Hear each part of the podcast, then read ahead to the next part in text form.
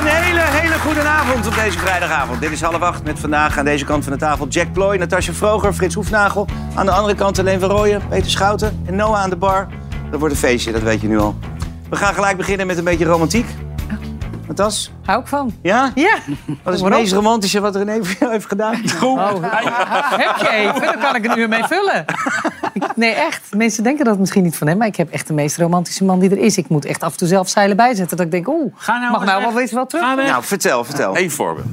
Nou, ik kan regelmatig, dan word ik, loop ik te mopperen. Want dan, denk ik, dan breek ik weer mijn nek. Als ik uit bed stap, dan denk ik, wat ligt daar nou weer? Maar dan heeft hij een heel lief gedicht. Of een liefde is. Of een waanzinnige leuke foto van onze kinderen uitgeprint. En, omdat ik dan om vijf uur op moet of om half zes. Verrast hij je daar dan mee? Ja, totaal. Ja. Of dan heb ik ineens, dan open ik mijn telefoon, heb ik weer het leukste filmpje met muziek eronder en zo. En jullie zijn opnieuw En ik getrouwd. ben heel onhandig, dus ik kan dat allemaal niet terugdoen. maar jullie zijn opnieuw Wij getrouwd. zijn opnieuw getrouwd. We hebben zelfs onze eh, ja, geliefdes nog, eh, onze beloftes nog een keer laten Renewal of renewen. Ja, zeker. Oh. En dat is voor jullie leuk, maar dan vooral voor de kinderen lijkt me. Nou, dat was het. Eh, ik moet heel eerlijk zeggen, wij zijn getrouwd 31 december 91. En toen was een beetje volgens het draaiboekje dat je er een groot feest van moest maken met veel mensen. En s'nachts lagen we in bed en toen zeiden nee, was niet helemaal jouw feestje heel lang, hè? Ik zei nee. Dat gaan we nog een keer doen. Ik hou heel erg van klein en intiem. Ik was liefst met z'n twee op de fiets gestapt en naar Ja. het stadhuis gereden. Maar het moest allemaal omdat hij nou eenmaal die, eh, in Nederland die zanger was en iedereen wilde komen. En toen hebben we gezegd, dat gaan we nog een keer doen en dan doen we Ik het. zou dat ook nog wel zijn. willen doen. Ja. De kindjes waren toen Met heel alle jong, over een kinderen, jaar of tien of zo. Ja. Toch? Eh, de romantiek. Eh, waarom ik het vraag is natuurlijk omdat koning Willem-Alexander en koningin Maxima zijn op Curaçao. En gisteren hadden ze hun 21ste huwelijksdag. Eh, dat deden ze door een liefdesslot aan een brug te bevestigen. Oh ja.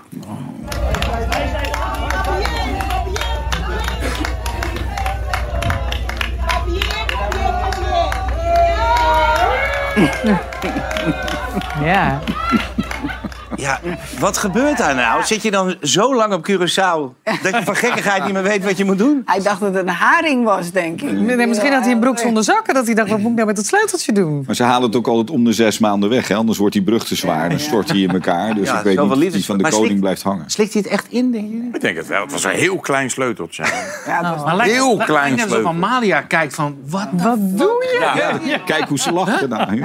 Ja, maar, ik denk, maar ik denk dat als je 19 bent en je bent twee weken met je ouders op vakantie, dat je sowieso regelmatig kijkt wat. Uh, wat, ja, doe regelmatig nou? wat de fuck. Ja. ja. Nou, hij draait zich wel gelijk om, dus ik heb toch het idee dat hij het dan ook. Dat hij nee, onder zijn Het Onder zijn was heel klein. Ja. hey, maar veel belangrijker.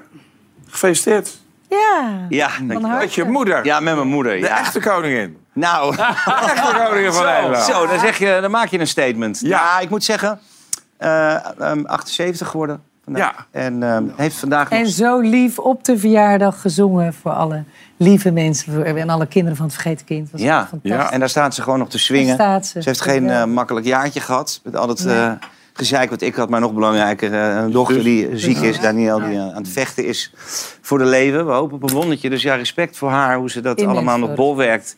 En overal staat eh, En te knallen. dag stond te shinen. Ja, Ja. fantastisch. Maar het is ook fijn dat je er met ons allemaal deelt. Ja, vind ja, ja, precies. Lief van je. Ja, de, de, de, de, de, de gay queen noemen ze haar, hè? Nou, ik heb, altijd, ik heb haar regelmatig mogen aankondigen natuurlijk. En dan zeg ik altijd, als je wordt geboren, wordt, dan heb je een moeder. Sommige mensen zelfs twee, maar dan heb je in ieder geval een moeder. Als je uit de kast komt, dan krijg je er één bij. En dat is Willeke Albert. Ja, mooi. Nou ben jij nooit uit de kast gekomen, maar jij had er al. Als zij de gay queen is, ben ik de gay prins. Zo is het. Goed, we gaan verder met Mag andere... ik nog één weetje vertellen over je moeder? Dat zij ooit ook verkozen is tot de stoutste vrouw van Nederland. Hou op, dat wil ik niet horen. Door, moeder. Ja, Moet er door. Ja. Wij gaan door met andere romantiek. En dat is de romantiek van de Formule 1. Eh, nieuws waarbij de harten van Formule 1-fans harder van gaan kloppen. Thanks. They've dropped the car off in the wrong Manhattan. I need a car in New York in 36 hours. You got it, boss. Over vier weken wordt het startschot gegeven voor het nieuwe raceseizoen in Bahrein.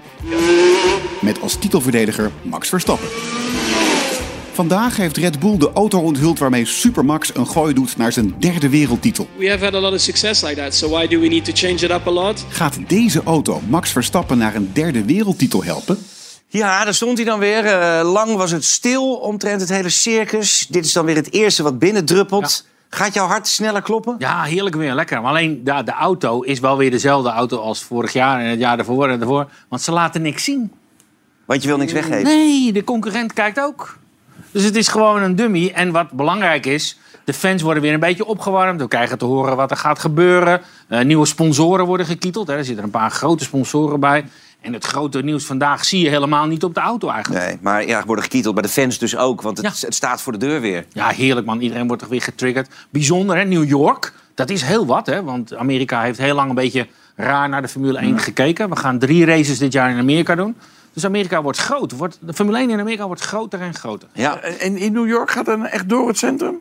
Nee, nee de, deze, deze launch was in New York. Oh, dat is... Nee, Maar ze hebben wel filmopnames gemaakt. Zit ik me alweer te verheugen. Ja, ja. Nee, in Las Vegas. Nee, Las Vegas gaan ze wel door de straat. Oké, ja. Ja, dat. Maar we hebben Max nu even een tijdje eh, niet gezien. We weten dat het een trainingsbeest is. Staat hij altijd aan, zo'n hele Nou, vakantie? nu wel weer hoor. Nu is het, zijn het zelfs twee trainingssessies per dag. Want er is nog maar een maand te gaan. Maar hij heeft ook wel even een beetje gerelaxed hoor. Hij heeft een beetje lekker vakantie gevierd. Lekker met zijn meisje. En gezellig. Maar nu zie je hem hier trainen. Dit is zo zwaar jongens. Dat krijg ik niet één keer voor elkaar. Nee. Wat hij aan het doen is met dat stuur. Er zit zoveel gewicht aan. En dat Oh, komt dit omdat ze in die auto zitten met die G-krachten. 5G naar links. Zou ik daarin kunnen gaan zitten nu? Zou, zou het, of ga, ga ik dan... Ah, jij ik zou er dan wel in kunnen zitten, maar de bocht ga je niet om. Want je hoofd wil rechtdoor. Met je spieren redden. Nee, die redden het niet. Maar Ja, voelt foto- het echt zo zwaar Ja. als hij Ja. stuurt? Kijk even Ja, naar dat is om zijn spieren te trainen. Maar in de auto zelf is het niet zo zwaar. Nee, want dat zie je. stuurbekrachtiging. Doen dus, vrij, eh, Je moet het wel zoveel ronden volhouden en twee uur lang in die hitte. En ik denk dat het dan uiteindelijk in een van de laatste rondes ook wel als zo zwaar voelt. Ja, Ja, absoluut. en er was ook zoveel kritiek, hè, dat hij toch ook als sportman van het jaar... hoe kan dat nou met zo'n coureur? Maar dat is gewoon een topsporter. Als je Absoluut. ook ziet wat, voor, eh, wat hij met zijn spieren moet doen... om zo'n auto te kunnen besturen. absoluut. Topsporter. Ja, en iedereen denkt, maar ja, dat is een autootje sturen, dat kan ik ook wel. Ja. Ja, not. Maar hoe traint hij? Want ik heb zelfs begrepen dat hij in, in zijn privévliegtuig een simulator heeft Ja, dat is helemaal bizar. Dat- Ja, hij is helemaal gek Je van kan het ook overdrijven. Ja, ja, ja, hij is helemaal gek van simracen. En simracen is het helemaal tegenwoordig. Hè? Alles kan in de computer, via de cloud. Alles kunnen ze nabootsen. Dus hij heeft nu in zijn privévliegtuig ook zo'n ding gebouwd. Dat als hij drie, vier, vijf, zes uur onderweg is, even, even racen. Ja. In zijn Nou, het het toch? Het is dus heel moeilijk in te schatten hè, voor komend eh, seizoen. Maar hij maakt toch wel weer echt een grote Tuurlijk. kans. Tuurlijk, waarom niet? Want eh, ze zijn als team heel goed onderweg. Er gebeuren niet heel veel grote veranderingen aan de auto dit jaar. Dus waarom zou hij niet gewoon weer wereldkampioen kunnen worden? Natuurlijk. Alleen er zijn andere mensen die dat ook graag willen. Ja. Lewis Hamilton, Ja. je bent fan. Ik ben- Dus hij zou dat heel goed kunnen. Ferrari zijn de geruchten dat ze onder de tafel ergens wat paardenkrachten hebben gevonden. Dus eh, helemaal geweldig. Ferrari die komt er dichterbij. En Ford, ja, dat hebben ze nu gemeld hier. Maar Ford komt pas in 2026 terug. Oh. Maar meer als een labeltje Dat duurt nog even. op de Red Bull motoren. Die gaan niet zelf motoren bouwen. Ah. Maar ze worden een label. Ze komen weer terug in de Formule 1. Ja, Kijk. Kortom, we kijken ja over gaan we, gaan we weer zitten. Juist. Hoppa. Zo is het. Dan even ander nieuws, want een eh, mega-operatie ehm, van de politie. Die zijn vandaag 42 verdachten hebben ze aangehouden. Het zou gaan om kopstukken van de internationale drugshandel. Peter, jij weet hier meer over. Ja, nou, er is een inval geweest deze ochtend omdat er eh, eh, een netwerk is eh, ontmanteld eh, van zogenaamde versleutelde berichten, eh, servers en telefoons, waarbij eh, criminelen dan eh, met elkaar kunnen eh, praten zonder dat ze denken dat ze worden afgeluisterd. Dat is al vele malen eerder gebeurd. Eh, er zijn 1200 politiemensen eh, bij betrokken Dat is toch geweest. exceptioneel veel? Ja, maar je moet natuurlijk even uitrekenen. Dat zijn er eigenlijk maar 15 per inval. Hè, want het waren natuurlijk 72 woningen. Ehm, ze zijn eh, zowel eh, op eh, de mensen eh, gaan zitten die die telefoons dus gebruiken... en daar allerlei berichten mee hebben uitgewisseld met elkaar. Maar ook wel op degene die dat faciliteren. Nou, er zijn dus mensen die zeggen, ja, leren ze het nou nooit? Want je hebt natuurlijk al heel veel in het verleden gehad... dat ze via deze systemen ook echt eh, tegen de lamp Precies, lopen. ga je dan niet een beetje schakelen en andere dingen komen. gebruiken?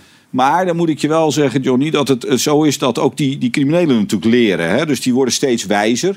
Dus die zijn gaan leren dat ze niet alleen versleuteld technologisch moeten gaan praten met elkaar. Maar ook beter moeten gaan nadenken over wat ze zeggen. Dus bijvoorbeeld, en ik geef nu echt een verzonnen voorbeeld even. Maar dat je niet gaat zeggen van... eh, nou, gefeliciteerd met je zoontje eh, morgen. Dat hij 25 jaar wordt. En eh, kunnen we vanmiddag bij die plek staan om diegene even een kopje kleiner te maken. Nee, Dat precies. Want dat, dat dachten ze dus voorheen, Ja. dat ze zo vrij uit konden praten op die versleutelde berichten. En dat passen ze natuurlijk nu aan. Eh, ze zijn ook wel aan het switchen. Dus je kunt natuurlijk bij WhatsApp kun je ook gewoon communiceren met elkaar. Dan zit je tussen miljarden berichten. Dus hoe gaat de politie dat vissen? Nou, eh, deze groep eh, mensen is nu eh, opgepakt. Wat je dus ook wel ziet is dat tegenwoordig dus de, de misdrijven worden gezocht eigenlijk bij de telefoonberichten. Vroeger was het zo, je pleegt een misdrijf en dan gaan ze het, eh, zeg maar het bewijs zoeken.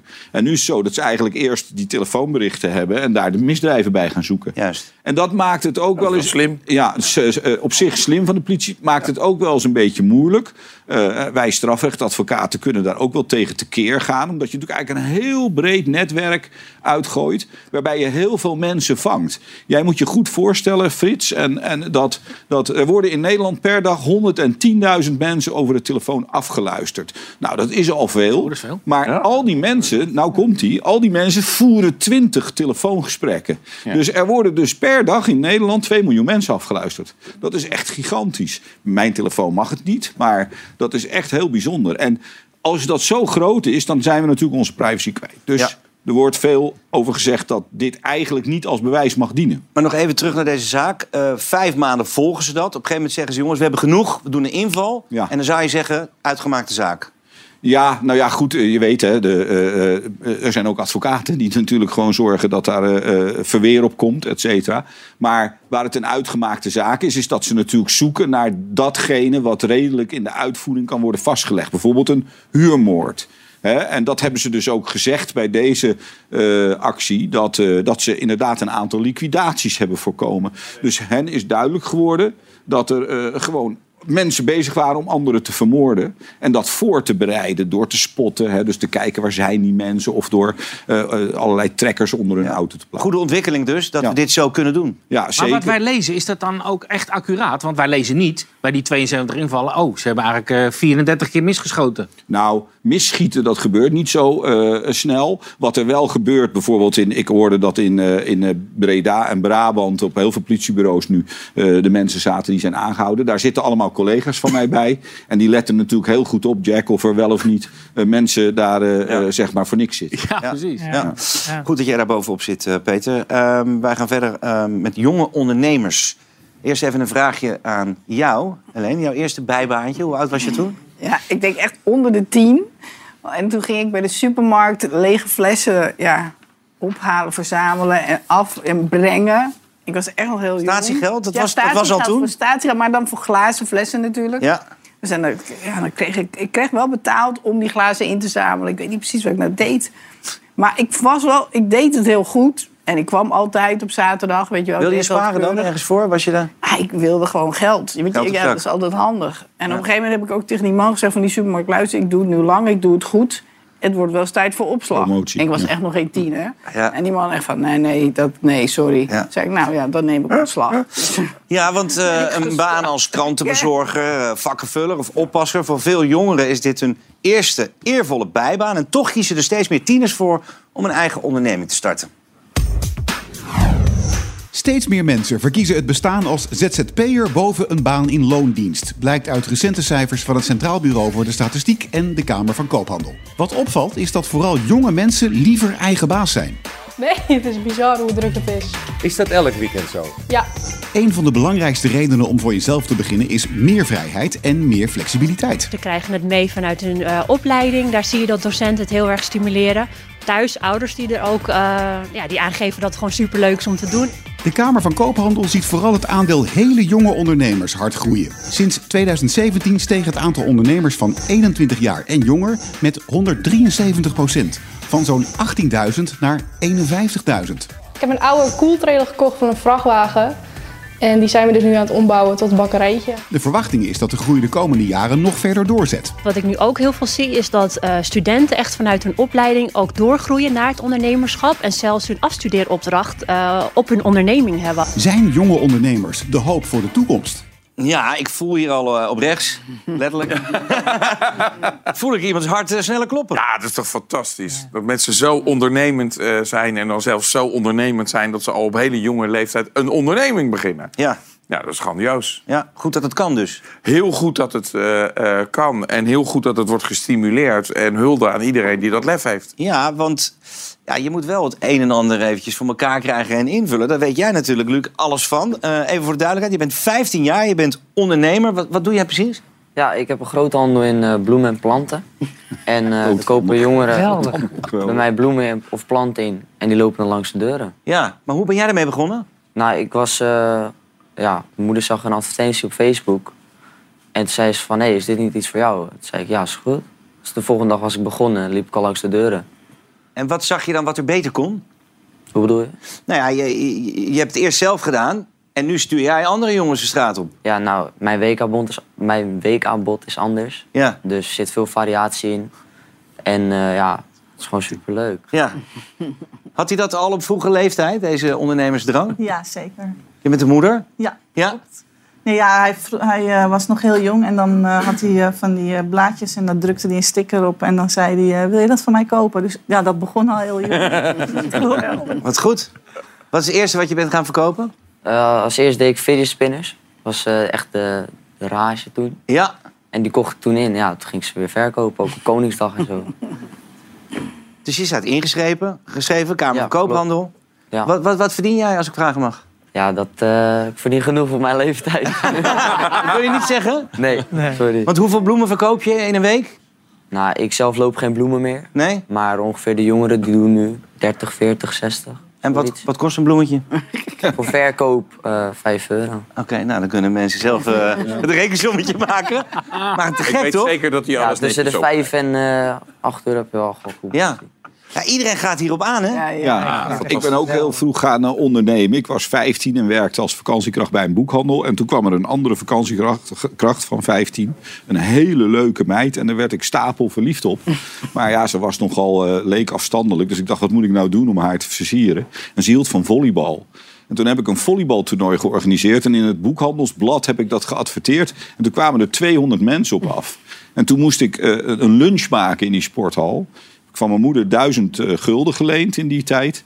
En eh, eh, daar aan al die mensen, alle 200 een lunch verkocht. 6500 nog Dan wat vind je iemand wel echt heel erg leuk, hoor, Peter. Ja, ja. En, toen, en zij heeft toen in dat team gespeeld, waar ik natuurlijk de coach van was. Ja. En eh, ja, dat is heel goed gelukt. We zijn uiteindelijk getrouwd. en Twee kindertjes. Ja, ja, ja. Dat is Dat is ook een mooi ondernemerschap.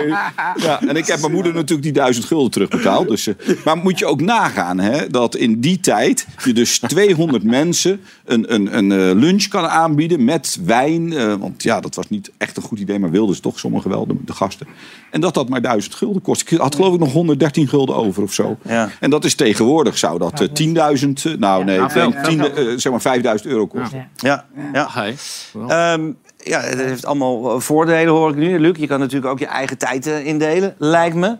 Maar wat, wat, wat zijn de nadelen hiervan? Moeten we dit helemaal nu cultiveren? Nou, er zijn natuurlijk altijd wel nadelen te bedenken, maar waarom moet je dat roepen? Weet je wel, ga, ga lekker van. Ja, als je voor eigen voor een baas werkt, ben je toch ook van alles voorzien. En eh is dat ook wel lekker soms? ondernemen, man. Ga lekker een paar keer op je snuit en Nou, eh, komt vanzelf goed. Het is natuurlijk niet iedereen gegeven. Nee. Ik bedoel, dus, er zijn zat mensen die eh, ondernemer eh, worden en die het daarna eh, niet redden. Maar laten we vooral stimuleren Ja. Ja. dat mensen het proberen. Ik vind dat eh, Wat geweldig. ben jij als eerste bijbaantje? Volgens mij, ik was eerst bladenman. Dus dan de, de, de libellen en de margriet en weet je, de playboy en zoiets. Panorama. Er was altijd één abonnee die wist niet dat de playboy eigenlijk in plastic kwam. Had ik altijd dezelfde voor die ik dan... Die heeft dat gewoon nooit geweten. Nee, en daarna eh, bij de McDonald's gewerkt ook. Ja. Ja. Kijk jij in de Playboy dan? Toen nog wel. Nee, nee, alleen de buitenkant. Was benieuwd- wel interviews. Biologische interesse. Ja. Er zijn hele goede interviews in, hè, altijd. Ja, Ja, dat hebben alle mannen altijd. Ja. Ja, maar ik zeg altijd tegen jongeren, kijk nooit naar je voeten. Kijk altijd naar de sterren. Ja, en, Dat dat, is mooi, eh, en dat moeten ze gewoon doen. Eh, dat is, eh, ook als ze later een baan krijgen, Ja. is het gewoon goed als ze voor zichzelf maar het is heel goed. Ik heb gestudeerd en mijn ouders hadden ook gestimuleerd. Ga nou lekker al die vakantiejobjes doen. En ga zoveel mogelijk werken in een team. Dan kun je zien wat er allemaal speelt. Dus ik heb bij de KLM gewerkt, op het borenplatform beneden. Waar al die vliegtuigen aankomen. Moest ik vliegtuigen laden en lossen. En ik was een van de jongste gasten als student. En ik kreeg de opdracht om bij de Boeing 747's de biefstukken uit de keuken te halen.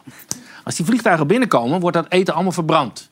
Maar voordat dat wegging, moest ik naar boven als student met mijn overlatje aan. Jij dacht geen voedselverspilling. Hartstikke idee. Zonde. Dus al die biefstukken in de overal. Ja. Ik had zo'n eh, zo, zo'n notebook, want het was, vroeger was, hadden we natuurlijk geen laptopjes, maar dan liepen we met zo'n En dan deed ik net alsof ik van de technische dienst was. Dan zei ze, dag, dag, dag. Ik zei, ja, kom even alles controleren. En hup, die biefstukken in de overal, naar beneden. En met z'n allen lekker opeten. En die Jakule blij met jou? Ja, iedereen helemaal blij.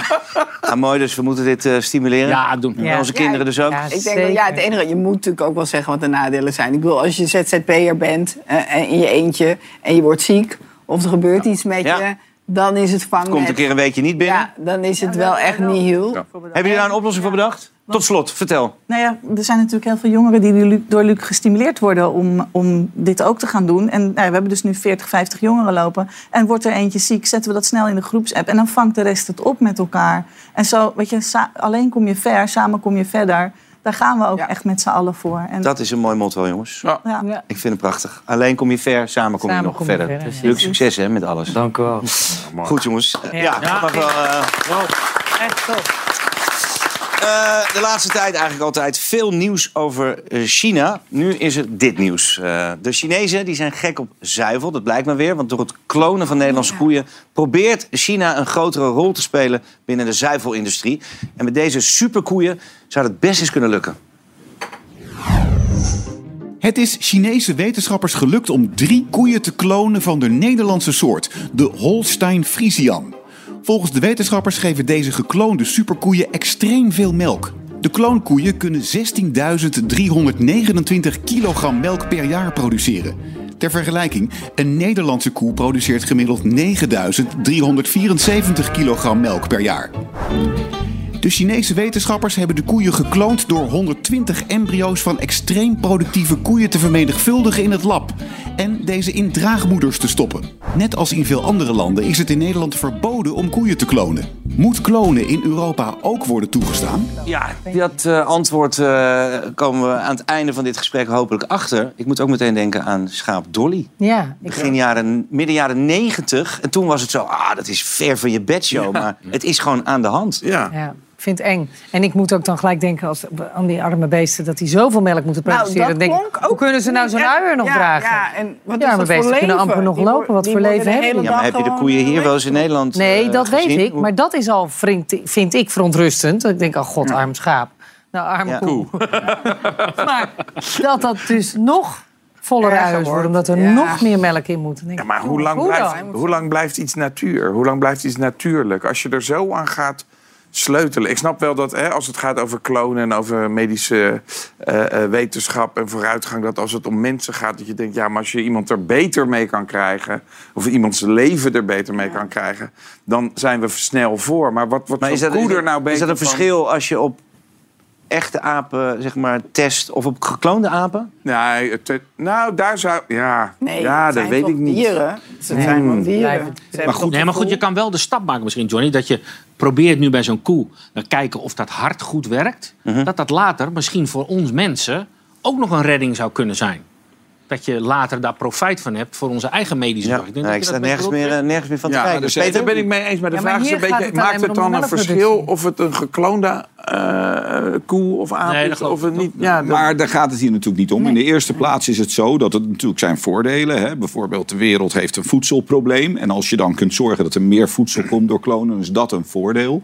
Maar er zijn natuurlijk ook grote nadelen in de zin dat je genen aan het veranderen bent. En je zou het een beetje moeten zien als een, een kopieermachine. hè. Als je heel veel kopieert, dan wordt uiteindelijk het kopietje lichter. Hè. Dat is niet Ja. meer zo zwart.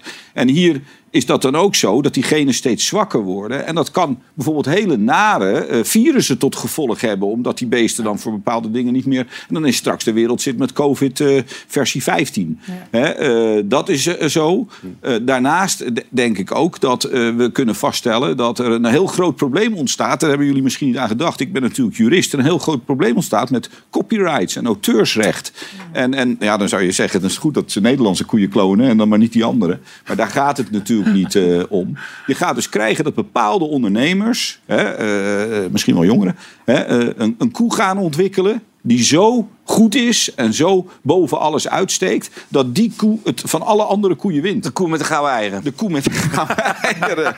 En nee, maar dat is ernstig. uiers. Want, en dat zie je al Ja. met gemodificeerde eh, zaden, et cetera. Waar een, eh, sommige bedrijven alles in handen hebben. En dan wordt dat één grote machtsconcentratie. Ja, maar dat is misschien jouw insteek ook hè, om, om naar, naar- over na te denken. Maar ik probeer dan toch wel weer het positieve ervan te zien. Ja, ik ben ook niet eh, negatief. Hè. Ik vind dat, dat er ook goede kanten aan zitten. Daar begon ik mee, hè, de voedsel. eh, maar ja, wat ook wel naar is, is dat de, ja, die Chinezen toch wel heel erg aan het oprukken zijn nu. En overal zijn er dan eh, Chinezen die met, met eigenlijk dingen bezig zijn. de Chinezen hoeven we niet te klonen. Daar zijn er echt heel veel. Heel veel. Even nog tot slot. dat ze het ook doen met huisdieren. Nou ja, dat was nog even een laatste snelle dat vraag. Vind ik nog wel, dat vind ik echt heel eng. Dan denk ik, jongens. Niet fijn? Nee. Nee, maar luister, ik heb, ik, ik ben, dat weten mensen, ik ben een enorme hondenliefhebber. En ik heb, ik heb er helaas al een aantal moeten laten inslapen. En dat vind ik nog steeds verschrikkelijk. Alleen het wil toch niet zeggen als ik dat beest kloon... dat hij ook hetzelfde karakter heeft. Nee. En Nou, dan denk ik... Dat hangt van het baas. Helene, jij denkt er anders over? Ik zou het. Ik denk vorig jaar hebben wij een hond moeten laten inslapen. Nou, als iemand daar vlak voor had gezegd: je, je Ik kunt hem klonen. En, het, en voor weinig. Dan was ik misschien wel over. Ze was Oh, zo ja, maar dat heb ik Omdat ook, je maar- er zo niet wil Emotioneel is Nee, dat dat gewoon. snap ik. Emotioneel is zijn het er nog wel. zoveel op de Honden wereld die leven ook te weer kort. zo lief Juist, hondjes redden. Ik heb er net altijd- weer één ik heb gered. En, en dat is de liefste. En, Uit eh, Roemenië, hè? Ja, uit Roemenië heeft er eentje gered. En die was er verschrikkelijk aan toe. Maar eh, het gaat nu hartstikke goed. En het is allerliefste. Verstand boven Daar hou emotie. ik weer zoveel van. Ja, toch? Ja. Ja. Goed, jongens. Wij gaan door met eh, de sport. En dan kom ik uit bij onze Noah. Ja, zeker, want eh, dit weekend weer een topper in de Eredivisie. Koploper Feyenoord ontvangt de nummer 3 PSV. En ik denk dat de Eindhovenaren erop gebrand zijn om die wedstrijd te winnen. Want dat is ze namelijk de afgelopen vijf jaar niet in de Kuip gelukt. Eh, jij bent bezig padellen vanmorgen. En toen heb jij de kenners even naar een kleine voorspelling gevraagd. PSV Feyenoord, wat denken we? Ja, met 3-4. Ja, ik denk eh 2-1. Had je nou gewonnen of verloren? Eh, daar gaan we het niet over hebben. Nee, dat ging niet goed vandaag. Ehm, de week van PSV die werd overigens eh, overschaduwd door triest nieuws van perschef Thijs Slegers. Een aantal jaar geleden kreeg hij de diagnose acute leukemie. En eh gisteren maakte hij via een eh, statement bekend dat de medici helaas niks meer voor hem kunnen doen. Hij riep daarbij wel op de mensen om stamceldonor te worden. En het mooie is, er zijn al honderden aanmeldingen binnengekomen sinds gisteren. Helene, jij wilde donor worden? Ja, want mijn, en de, de zoon van mijn buurvrouw had hetzelfde acute leukemie. En toen dacht ik, oh ja, ja, tuurlijk, dan moet je worden stamceldonor. Waarom ben ik dat nog niet? Maar ik, was al te, oud- ik ben al te oud. Want het mag niet meer vanaf? Ja, ik, ik hoorde nu net 55, maar ik denk boven de 50 dat ze er al niet aan beginnen. Omdat je dan toch een heel traject in moet. En dan ben je eigenlijk al te oud. Maar ik vind het wel heel goed dat, dat hij er aandacht voor vraagt. Want ik Ja. moet heel eerlijk zeggen, ik las het ook, het verhaal.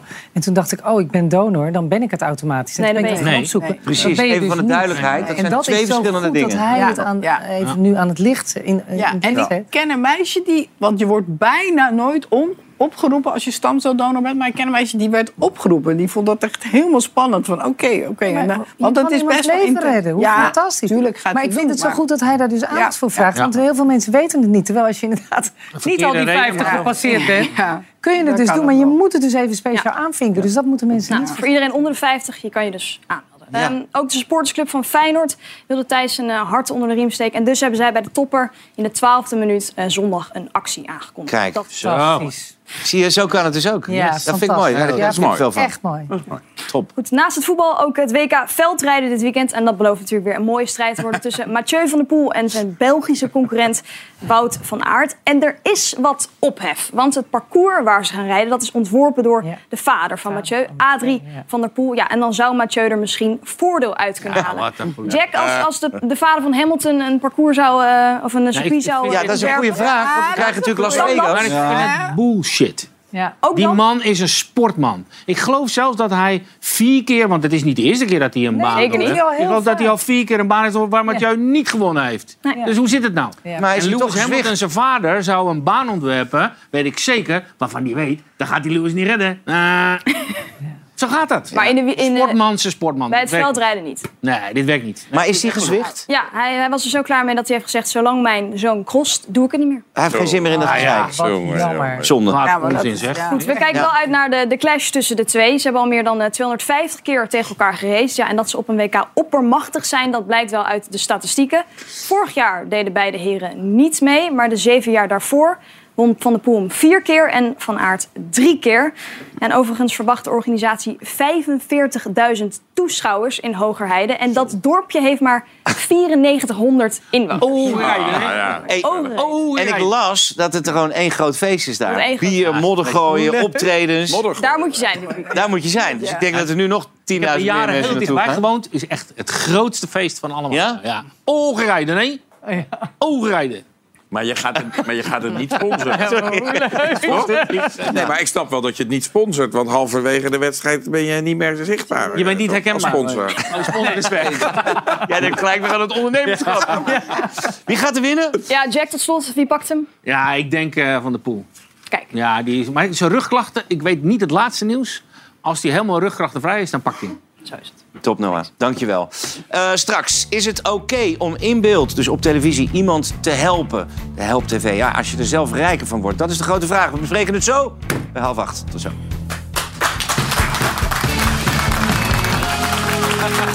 Welkom terug, lieve mensen. Je kijkt nog steeds naar half acht. We gaan het hebben over het vergeten kind en de week van het vergeten kind. Even een vraagje, Guusje Nederhorst. Hè, Ja. Das ring a bell. Eh, actrice, GTST, Woezel en Pip boekjes. 19 jaar geleden Ja. deze week dat zij overleed. Ja. 19 jaar geleden. Zo. Ja. Bizar, hè? Uit haar naam is in 2007 eh, het Vergeten Kind eh, geboren. Eigenlijk een, een prachtige stichting. Natasja, jij bent ambassadeur al jaren. Ja. Ja, Ehm, ja, al, eh, hoe was deze week? Ja, heel, heel mooi, heel bijzonder. En tegelijkertijd, terwijl ik zeg mooi, bedoel ik dat natuurlijk ook wel weer heel dubbel. Want we vragen natuurlijk altijd aandacht voor een thema.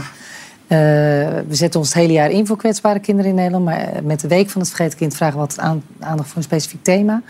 Dus ja, het is een mooie week. Maar het is ook heel dubbel dat we elke keer weer dingen die echt aan de kaak gesteld moeten worden, dat we dat moeten doen. Precies, heel veel kinderen die uit huis worden geplaatst. Dat is Ja. de afgelopen jaren met alle ellende alleen maar meer geworden. Ja. Dit jaar was het thema jongeren van 18 die aan hun lot worden overgelaten. Dat is absoluut een feit. En, en eh, dat zijn zeg maar, eh, we hebben het over kwetsbare kinderen. Kinderen uit de jeugdzorg. Exact. Juist. Kinderen, eh, het zijn er ongeveer 3300 die, die de leeftijd van 18 bereiken. En dan dus ineens te horen krijgen, ja, nu ben je volwassen en val je niet meer onder jeugdzorg. Ja. En dat is in een aantal gevallen ook zeker zo. Kunnen we het even in perspectief zetten met Nee. kinderen van 18 zonder rugzakje? Die Nou ja, kunnen het dat- vaak al niet. Laat ik al eens naar mijn eigen kinderen kijken. En als we zien dat gemiddeld in Nederland de kinderen het huis uitgaan als ze 23, ruim 23 zijn. Eh, 23 in een aantal maanden is het gemiddelde. En zelfs dan zijn kinderen die uit een veilig nest komen nog heel vaak eh, heel blij dat ze terug kunnen vallen op, op hun ouders. Op... Hmm. En dat is het probleem met deze kinderen. Zij hebben vaak veelal geen vangnet. Ze kunnen Nee. nergens op terugvallen. En dus Wat gebeurt er met op het moment dat ze 18? 18 worden, dan eh, voor heel veel kinderen, we hebben er heel veel ondervraagd, die zien die 18e leeftijd, waarin andere kinderen denken: ik word 18, yes, ik mag gaan autorijden, ik mag dit, ik mag dat, ik mag zus of ik mag zo. Die kijken daar juist heel erg tegen, zien daar tegenop en denken: maar waar kom ik dan te wonen? En hou ik dan nog wel de vaste begeleider? Want die heb ik nog zo hard nodig, want ik heb niemand anders. Ja. Kinderen komen soms letterlijk op straat te staan. De kinderen die we ondervraagd hebben, zijn er echt een heel veel die echt letterlijk op straat kwamen te staan. Omdat de tijdelijke woongroep waar ze mochten wonen, stopte op hun achttiende. En daarvoor vind, zeggen wij, en daar maken we ons hard voor... kinderen, kijk niet naar de keiharde leeftijd, maar kijk naar het kind. En op het Ja. moment dat het kind eraan toe is, graag. Alleen jij zet nog wel je het, kanttekening daarbij. Nou, ik heb ja, een beetje advocaat van de duivel, maar ik heb ehm, een paar keer meegedaan aan vier handen op één buik. En dat waren allemaal ja, mensen gewoon boven de 18, maar die hadden allemaal wel zeg maar een coach en, en inderdaad begeleid wonen. En die kregen ook uitkeringen en dingen. Dat was een, toch best, begreep ik ook van de redacteuren, best een hele brede groep mensen. En omdat zij juist zo eigenlijk hun hele leven verzorgd waren, zeg maar. Dus inderdaad altijd coaches hadden, eh, uitkeringen, dingen. Waren zij helemaal niet gestimuleerd om, nou ja, zoals onze jonge ondernemer... Op eigen benen op te staan. eigen benen te gaan staan. En soms maak, ben ik er een beetje bezorgd van... als je iemand te lang, zeg maar, pampert, tussen aanhalingstekens hoor... maar dat je hem ook juist moet stimuleren. Eigenlijk zou dat dus voor die. Nou ja, 18 dat jaar- zeggen wij ook. Hè. Begin er alsjeblieft eerder mee. Maar ga niet op hun 18 ineens zeggen... we vonden tot nu dat je wel die hulp verdiende. En sterker nog, tot gisteren nog. Maar vandaag ben je 18 geworden. Maar wordt laten we ook nog, zal ik één Ja. voorbeeld geven? Ja. Sorry. En nog Ik weet niet echt het voorbeeld werkt, van onze, het van een van onze jongeren. Die zei, ik, ik kwam uit een hele problematische thuissituatie. Een gevaarlijke thuissituatie. Beide ouders zwaar verslaafd. Ik ben op een gegeven moment uit huis geplaatst. Ik ging eh, op het moment alle trauma's verwerken. Werd toen ook zelf, zeg ik heel eerlijk, een moeilijk te behandelen kind. On- bijna onbehandelbaar. Dus werd ik gesloten geplaatst. Nou, dan weet jij alles van wat er dan met kinderen gebeurt. Hij zegt, op een gegeven moment viel bij mij het kwartje toen ik gesloten zat. Want ik zat alleen maar naar die tralies te kijken. En dacht, dan moet ik maar iets. Naar school mocht hij niet, want daar was geen geld voor. Dus in de jeugd, oh, op het hij gesloten zat, kon hij niet Ja, maar dit zijn afmaken. En de bizarre, hij maar 18 werkelijke werd, verhalen. diezelfde hekken open en stond hij op straat. Ja. Dan Ehm, ik, laten ja. we, Ja, ja, laten we even naar iemand gaan, naar een ervaringsdeskundige. Ja, ik wou net zeggen, Eh, bovendien iemand die ik heel erg bewonder als persoon. Eh, Amsterdammer van het jaar ben je geworden. Een strijder voor jongeren in de jeugdzorg. Jij hebt dit meegemaakt. Je bent nu 25. Toen je 18 werd, ze lieten je los. Ja, absoluut. Die overgang die is echt heel erg cold turkey voor heel veel jongeren. Ehm, het is echt stipt op de verjaardag valt gewoon de zorg weg, vaak de financiering. En dat betekent voor veel jongeren dat ze moeten verhuizen. Voor sommige jongeren inderdaad dat ze op straat belanden. En voor mij was het zo dat ehm, ik heel erg gehospitaliseerd was in de jeugdzorg. En ik denk dat dat is Dat bedoel ik. waar, waar u op doelt. het is iets anders dan gepamperd worden. Ja, nee, maar ik deed echt zo. Ik Ja, nee, echt niet pamperen. Ja, maar je moet zo doen. Je moet zo doen. Je moet echt Ja. zo doen. Ik kon niet op het goede woord komen. maar Juist, dat juist. bedoel. En, en, en, en ik, ik pleit er niet voor, Natasja natuurlijk ook niet. Dat vergeet ik het absoluut niet, om, om kinderen eh, klein te houden en de autonomie volledig af te pakken. Want ik denk dat daar inderdaad ook een probleem heerst. Maar normaal gesproken is volwassen worden en zelfstandig worden, dat is een proces. Dat gebeurt over de jaren heen. En dat is een heel erg natuurlijk proces. Als jij je ouders hebt, hè, dan ga jij nou, dus gemiddeld op je 23ste uit huis. Dan ga je misschien op kamers. En gaat het missen, verlies je je kamer. Dan kan je terug naar je ouders. En voor veel kinderen in de jeugdzorg is dat dus niet zo. Dus de consequenties zijn heel erg groot. Er is geen ruimte om fouten te maken. En wat we eigenlijk zeggen is, hey, zorg er nou eigenlijk voor dat kinderen op het moment dat ze uit de jeugdzorg komen, ehm, dat ze klaar zijn voor die zelfstandigheid. En voor sommige kinderen is dat op 17, maar voor andere kinderen is het op 23. En momenteel biedt de wet die ruimte niet om dat voor elk kind in te zetten. Het maatwerk dat nodig is. Even voor jou eh, persoonlijk, hè. we hoeven niet in detail Mhm. eh, te treden. Ja. Ehm, je hebt een rugzakje, je bent dan 18. Wa- Wat was het eerste waar jij tegenaan liep? Het eerste waar ik tegenaan liep was eh, echt stipt op mijn 18e verjaardag ging ik van een, een, een gesloten instelling naar een appartement in Amsterdam. Ik kreeg de sleutel. Ik had een huisgenoot die ik nog nooit had ontmoet. Ehm, eh, en ik kwam terecht in de slaapkamer. Ik kreeg een telefoon met een prepaid eh, kaartje erin. En het ding was, ik kwam van een omgeving, 24 uur 7 werd alles voor mij bepaald. Dat ging over letterlijk dat ik eerst hartig voor zoet moest op mijn brood. En toen kwam ik in mijn eentje in een appartement terecht. En het ging goed tot eh, een uur of tien. En om tien uur s'avonds zat ik op mijn slaapkamer nog steeds. En toen moest ik naar de wc. En mijn wc was op de gang. En in de jeugdzorg had ik altijd geleerd, 9 uur kamertijd. Wat dat betekent is, na 9 uur kom je niet van je kamer af. Dus ik durfde niet naar de wc. Ik heb, ik heb gewacht tot de volgende ochtend om naar de wc te gaan... omdat ik niet meer wist wat vrijheid was. Ja. En daar had best wel wat ondersteuning bij kunnen zijn. Ja. En, Maar dat is dus eigenlijk in de jaren daarvoor. Je moet eigenlijk al veel eerder, denk ik, een beetje misschien in contact komen met ondernemers, wij spreken, om Nee. te leren van, oh ja. Maar Laten we heel even- opsluiting gesloten jeugdzorg kan. Maar over gesloten jeugdzorg laten we heel even over dat pamperen van jou praten. Hè. Ik heb dit soort, we dit eh, dit soort cliënten. Nou zo. Maakt niet uit. Nee, maar dat- is juist belangrijk toch wel dat je dat zegt. Omdat dat idee ook kan heersen bij veel andere mensen. Ik heb jarenlang heb ik dit soort eh, eh, minderjarigen bijgestaan. Eén daarvan die is best wel een beetje beroemd geworden. Omdat ik heel veel actie heb gevoerd samen met haar. Voetbalmeisje. Het voetbalmeisje. En het voetbalmeisje die heeft van haar elfde tot haar achttiende, met een hele kleine interval, heeft ze gesloten gezeten. Dus altijd de deuren op slot. Toen ze elf jaar was al. En, en zij hield van voetballen. En toen heb ik daar haar ook in gestimuleerd. En op een gegeven moment heeft zelfs het Nederlands vrouwenelftal eh, haar eh, eh, zeg maar een, een cadeau gegeven voor kerstmis. Dat ging helaas door COVID niet door, want ze zouden haar ontmoeten. Toen moest het op kaartjes, maar toch leuk. En als je keek naar haar, dan was het probleem juist één... dat ze steeds maar weer opnieuw werd overgeplaatst. Dat gebeurt dus heel veel, dat weet Jason ook wel van. Negen keer in haar geval naar allerlei andere instellingen. Twee, dat ze geen goed onderwijs kreeg. Dus elke keer zit je in dezelfde onderwijscirkel. Dus eigenlijk klas 4 wordt alsmaar herhaald. Het was een heel intelligent meisje. Drie, dat je niet de kans krijgt om de dingen die je hart, waar je hart liggen, om die te verwezenlijken. Zij wilde chefkok worden. Ze was in België geboren, had ze een, een Belgische school gevonden, mocht ze dan niet naartoe. Eh, toen ze een baantje kreeg bij de Kruidvat en ze een keer verkeerd ging op een wijze zoals alle teenagers verkeerd gaan, gingen ze bij de inrichting bij Kruidvat vertellen wat ze had ge- had gedaan, werd ze ontslagen. En uiteindelijk ehm, hebben we wel heel veel aandacht besteed of, om het voor haar goed te maken. Al, alleen al die erkenning was belangrijk. En op haar achttiende, ik heb er voor de uitzending gesproken... ook om weer te vragen dat zij het goed vindt... want ik ben advocaat, ik heb beroepsgeheim... dat ik dit mocht vertellen.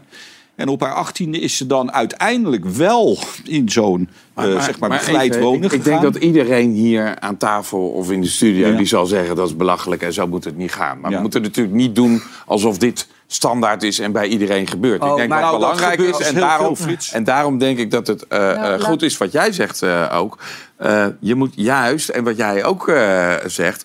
Ik, ik word van de ene op de andere dag... heb ik opeens al mijn vrijheid, terwijl die had ik niet. Dat kan natuurlijk niet. Dat, kan, dat doe je bij volwassenen niet. Dat moet je bij jongeren natuurlijk al helemaal niet Ik doen. denk wel dat het belangrijk is om te benadrukken dat dit dus wel degelijk een structureel probleem is. Dus het Ja. gebeurt niet bij Nee, iedereen. dat wel, maar niet dat het bij iedereen zo is. Nee, dat nee, is nee. natuurlijk een schrijnend verhaal. En Ja, nee, maar het, ik maar het altijd is een beetje het is een schrijnend verhaal, maar het is geen uniek verhaal. Nee, oké, dat, en waar dat wij zal. eigenlijk voor pleit is, en dat zijn eigenlijk punten die Peter in zijn hele pleidooi ook eh, aanraakt, is geef jongeren op het moment... Wij zeggen, er zijn vijf speerpunten. Hè? Dat gaat over wonen, dat gaat over inkomen, dat gaat over support. Heb je iemand in je netwerk, eh, welzijn en iets van school of werk. En als één van die vijf punten er niet is, dan leven kinderen gewoon niet in een stabiele omgeving. En dan, dan moet je ze de mogelijkheid geven om nog even te kunnen leunen op zorg. En dat betekent niet. Nee, maar dat lijkt me prima. Maar praat je dan in Den Haag tegen Dovermans oor of zo?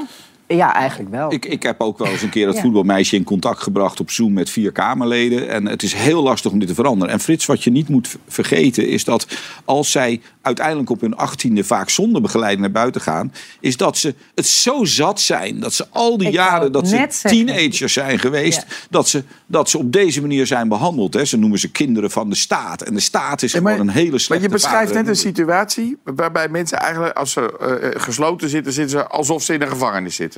Mensen die uit de gevangenis komen, worden voordat ze vrijkomen. Voorbereid op hun terugkeer naar de samenleving. Ja, dat zou je hier toch op zijn minst ook moeten Ja, maar doen. Dit gaat over jongeren. Dat gebeurt ook op een bepaalde manier wel. En ze kunnen ook hun ouders nu dan nog wel eens bezoeken. Niet altijd. Maar het heeft te maken met waar je bent als je teenager bent. En ook gewoon aan het puberen bent. Als jouw kinderen, ik weet niet of je ze hebt, of jouw kinderen, als die puberen. Niet dat ik Dan, als die puberen, dan doen we. Hè, ik, ik heb wel eens één keer huisarrest aan mijn dochter gegeven. En toen ben ik toch een bapauwbroodje voor haar gaan halen. Want ik vond het zielig. En toen was ze ontsnapt tijdens dat ik het bapauwbroodje aan het halen was. Ja, ja, ja, ja. Maar goed, dan ben ik boos. Maar weet je wat er gebeurt als je in zo'n gesloten instelling zit? Dan word je in lakens gerold, zodat je ongeveer 45 minuten nodig hebt om uit die beknellende lakens te komen. Dit zijn kinderen. Hè, dus laten we nou niet doen of het niet zo is. Nee, maar de gezondheidszorg in Nederland, jongens, moet geïndividualiseerd worden. Er wordt veel te veel over groepen gesproken. We hebben dan nu de jongeren, we hebben nu bij de de jongeren. ouderen precies... wat is de oplossing, Nou ja. Natasja? Maar weet je wat ik het ergst vind? Praat met de kinderen zelf. individueel, praat niet Ja. over kinderen, maar praat met de kinderen zelf. We Ja. zijn zo goed in over alles praten. Maar ga nou eens Tot in slot, gesprek tot met de slot. Hoe gaat het nu met jou, nodig? Jason? Met mij gaat het eh, eigenlijk wel prima. Ik, eh, ik heb een pleeggezin gevonden op mijn 24 Dat helpt me heel erg. Maar dat gaat dus met heel Bijzonder, veel hè? gaat het niet prima. Dus wat ik nog wel even wil benoemen is... wij zijn bezig met handtekeningen verzamelen... om Den Haag ervan te overtuigen dat die overgang beter geregeld moet worden. En je handtekening kan je zetten op www.hetvergetenkind.nl. Yes! Allemaal jullie handtekeningen. Ja, jongens, iedereen eh, zet eh, die handtekening. Eh, we skippen Mr. Beast, maar dan nog wel eventjes dit. In het nieuwe programma Last One Laughing wordt een groep cabaretiers uitgedaagd... om zes uur lang niet te lachen om elkaars grappen en optredens. Het gaat een tijdje goed, totdat het de beurt is aan Bas Hoeflaak en zijn fluit. Ik heb vandaag gesmeden met mijn fluit. Altijd met een ikke vuile snuit. Je bent een dikke aap en over later in de snuit. Fluit, fluit, fluit, fluit, fluit. Oh, Jezus. Heb je het gezien of niet? Hoe leuk is dit? Ja, dat is toch niet te doen? Nee. nee. En dit was na vier uur doodse stilte. Hè? Dat is lastig als je moet optreden voor, eh, voor mede-comedians die niet lachen. En dan komt hij met zijn fluit. komt hij met zijn fluit. Ja, ik zou. Ik zou Ik zou bijna zeggen, en zo is het verhaaltje. Fluit het eruit. Wel weer een beetje uit voor deze vrijdagavond. Eh, dank allemaal dat jullie eh, hier waren. Eh, maandag ontvangt mijn collega Helene onder meer Jack van Gelder en Karen Bloemen. Ik wens jullie allemaal een heel fijn weekend. Heel veel succes. Wees lief voor elkaar en tot snel. Bye.